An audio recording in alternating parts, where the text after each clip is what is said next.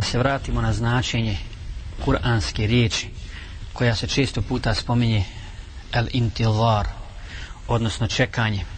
Jer u Kur'anu je uputa i svjetlo i odgovor na sva pitanja koja tište i muče čovjeka. Inače ova predavanja ćemo držati na osnovu istih predavanja koje je održao šejh Salman Auda na internetu na svojoj stranici. Znači govorit ćemo najprije o ajetima u kojima se spominje ovaj izraz i ovi ajeti se mogu podijeliti u tri skupine, u tri kategorije.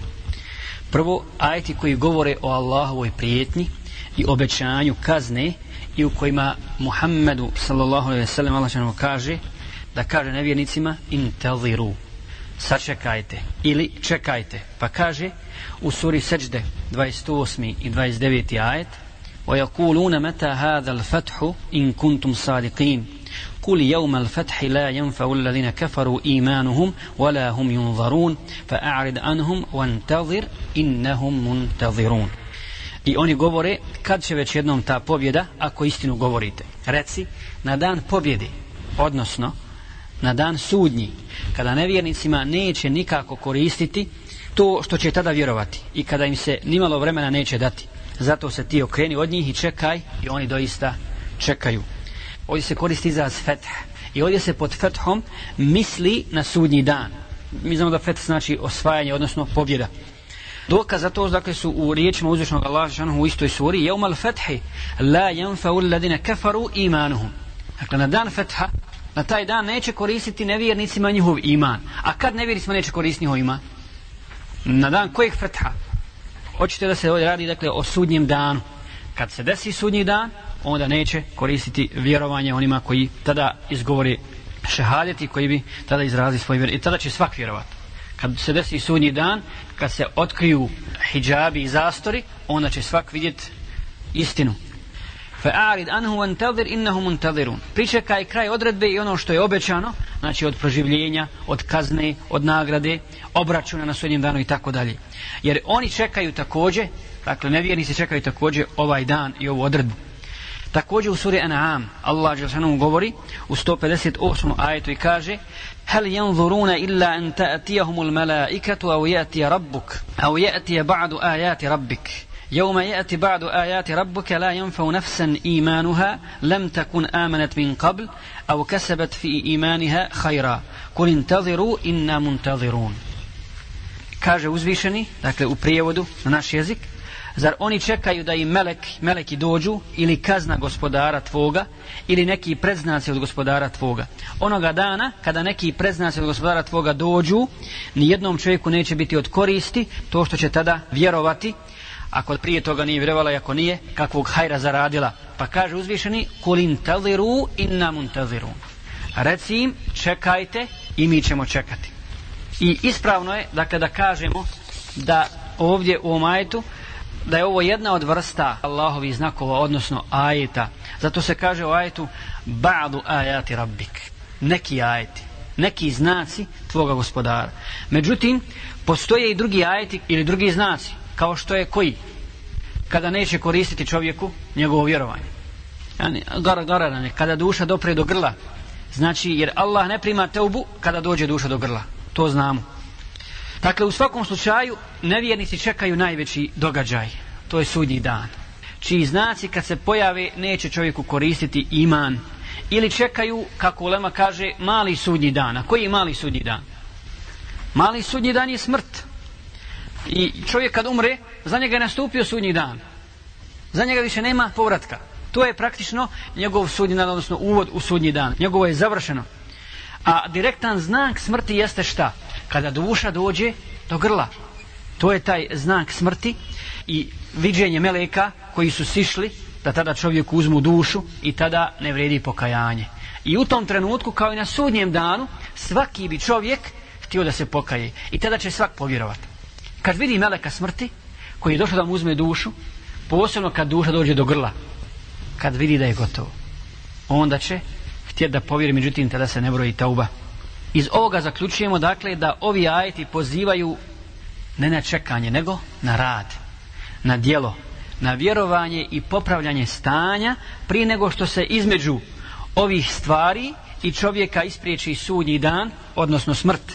Zato kaže uzvišeni zar oni čekaju da im melek dođu ili kazna gospodara tvoga ili neki preznaci od gospodara tvoga. Onoga dana kada im dođu ti znaci onda neće koristiti nikome njegovo vjerovanje. I ovo je posticaj i postrek na djelo i na vjerovanje i zarađivanje dobrih dijela.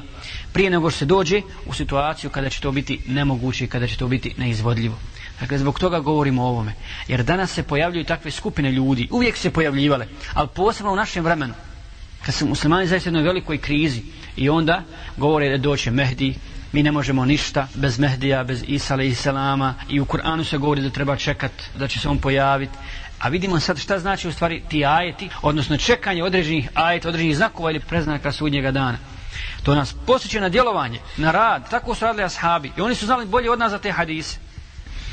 Dakle, čekanje ovdje ne znači da staviš prst uho i čekaš dok ne dođe Mehdi da riješi problem i situaciju muslimana.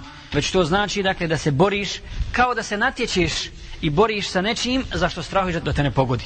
To je prva vrsta. Znači, prva vrsta odnosno prvo objašnjenje ove riječi intivar, čekanje. Druga vrsta čekanja jeste čekanje obećane kazne na Dunjaluku. I često puta se koristi ovaj izraz za nevjernike. Jer nevjernici nekada ubrzavaju kaznu. To pratimo kroz priče o poslanicima i njihovim sredbenicima, odnosno njihovim narodima koji nisu prihvatili poslanike kao poslanike, da su oni ubrzavali kaznu kako? Govorili su poslanicima šta? Da oni isključuju tu kaznu.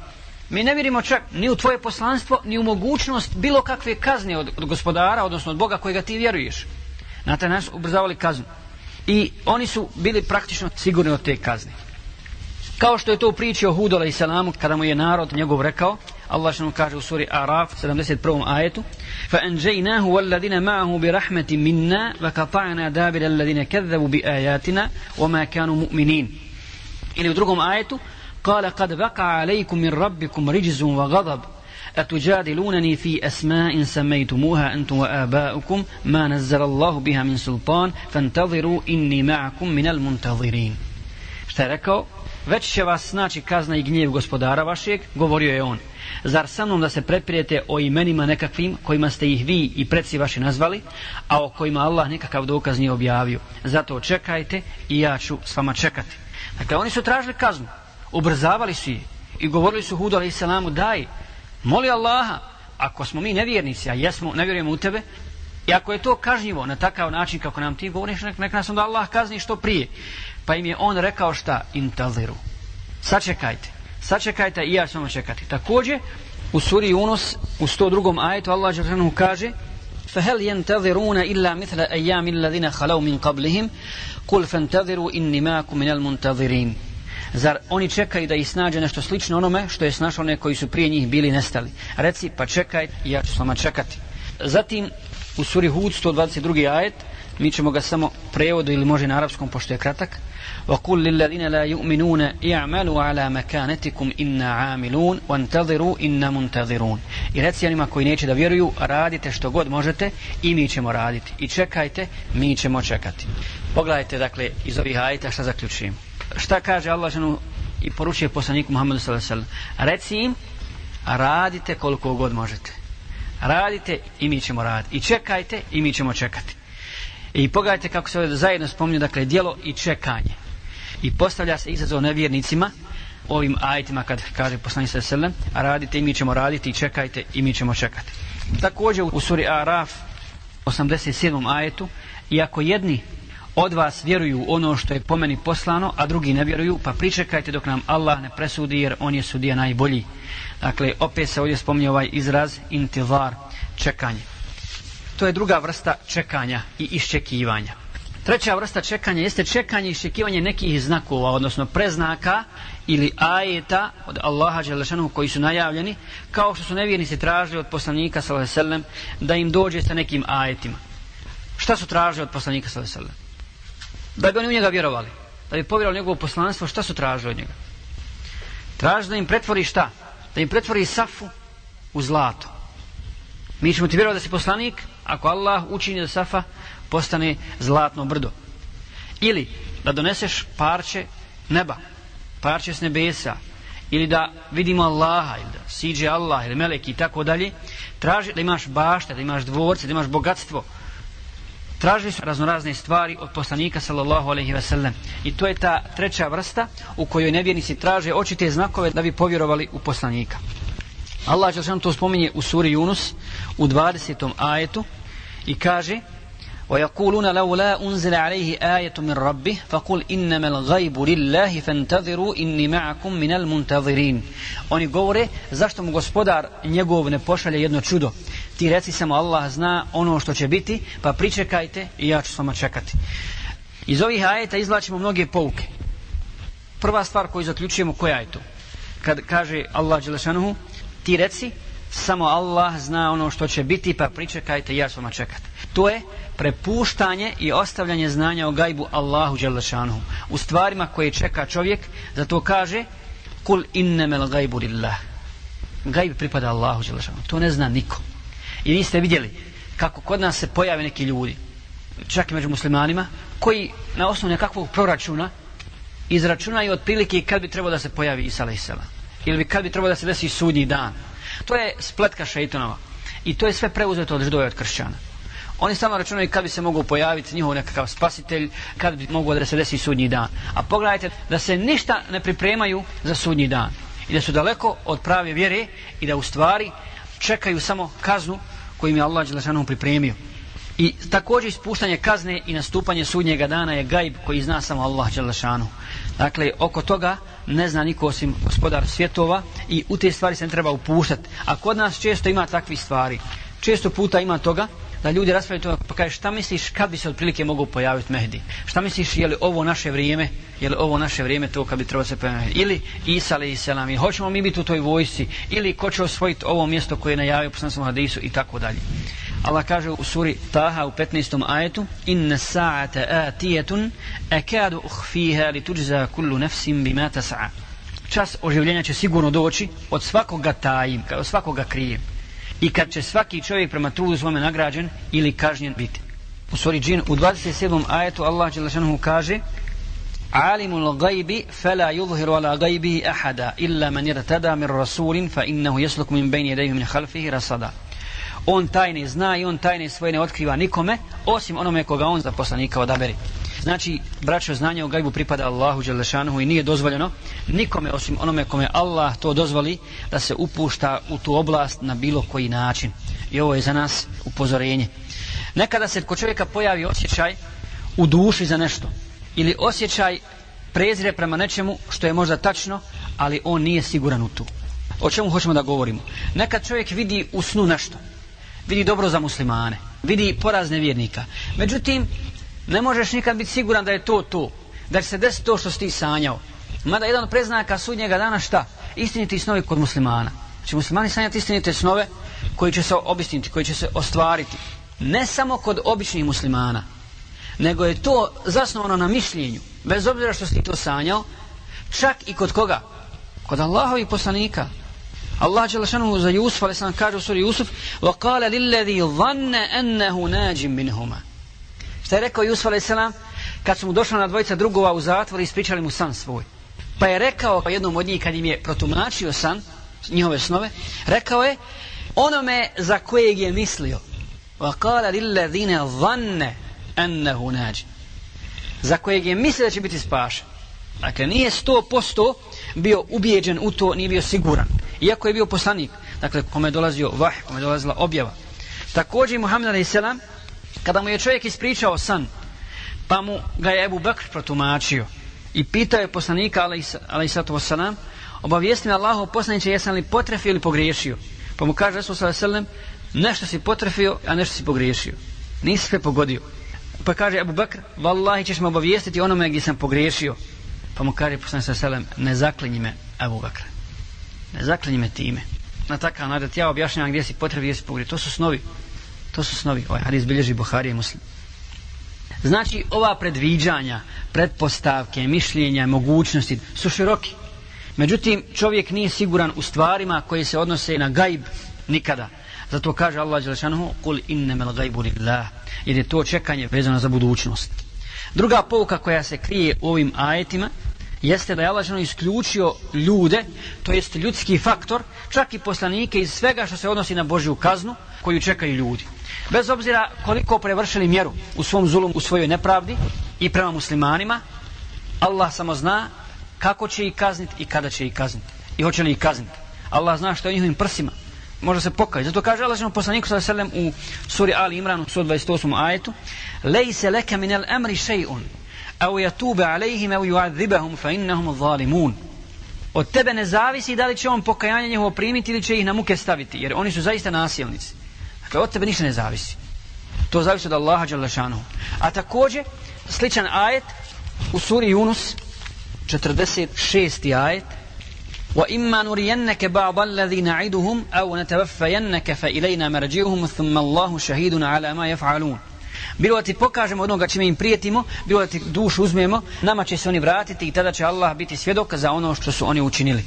Dakle, ovom je šaret da su to stvari koje poznaje samo Allah Đelešanu i on njima upravlja i on ih određuje i na čovjeku je da se povinuje Allahovoj odredbi i njegovom kaderu i njegovoj volji.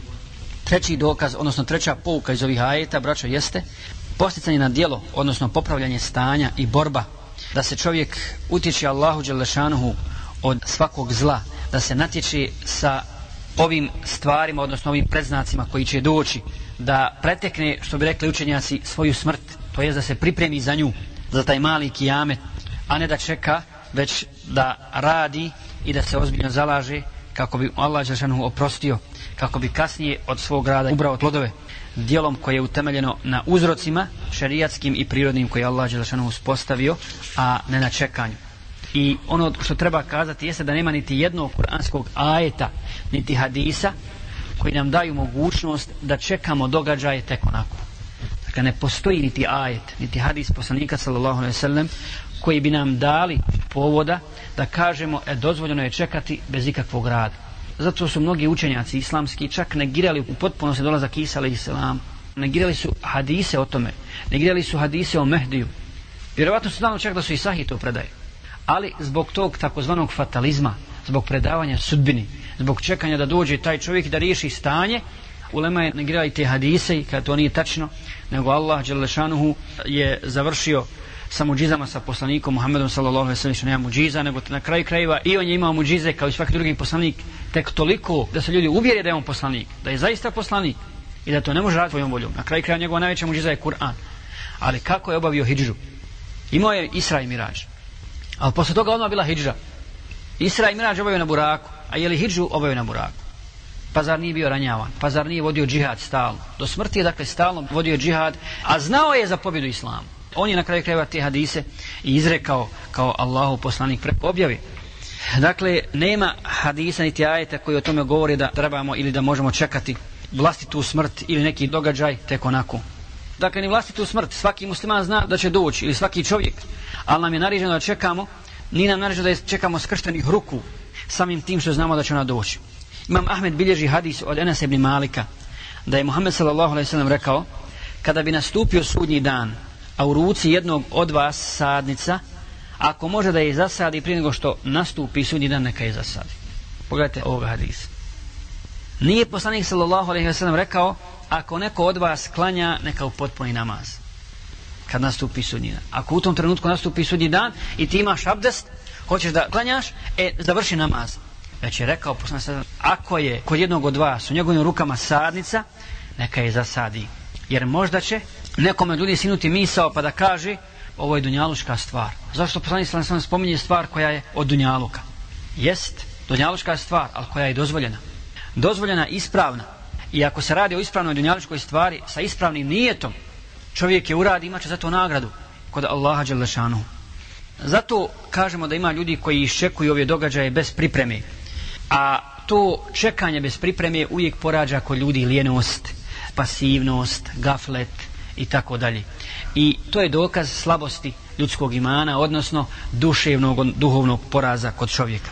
Zato ćemo navesti predaju koju bilježi muslim od Jesira ibn Džabira, da se pojavio crveni vjetar u Kufi, došao je čovjek u Medinu i dozivao Abdullah ibn Mas'uda radijallahu ta'ala govoreći o Abdullah nastupio je sudnji dan. A on je tada odmarao pa se podigao rekavši Wallahi neće nastupiti sudnji dan dok ne dođe vakat kada se miras neće dijeliti, dakle kada se ostavšta neće dijeliti po šerijatu i kada se neće čovjek radovati ratnom plijenu. Zatim je rukom pokazao prema Šamu i spomenuo je neke događaje koji će se desiti, koji će biti prethodnica sudnjem danu. Dakle, Abdullah Mesud upozorava ovoga čovjeka da ne smije to sebi dozvoliti. Da su jasni preznaci sudnjega dana. On ih bolje poznaje od njega. On bolje poznaje od ovog čovjeka preznake sudnjega dana. Ali se ne ponaša tako. Nego ovaj vidio crveni vjetar odmah je sudnji dan. Desio se rat u Afganistanu, desio se rušenje nekih zgrada u Americi ili nekakve poplave ili vjetrovi. Ovo je jedan od preznaka sudnjeg dana. Ili postoji mogućnost da je ovo nastupanje sudnjega dana. Dakle, to je bio jedan uvod vezan za čekanje, kad je u pitanju ovaj izraz intidar.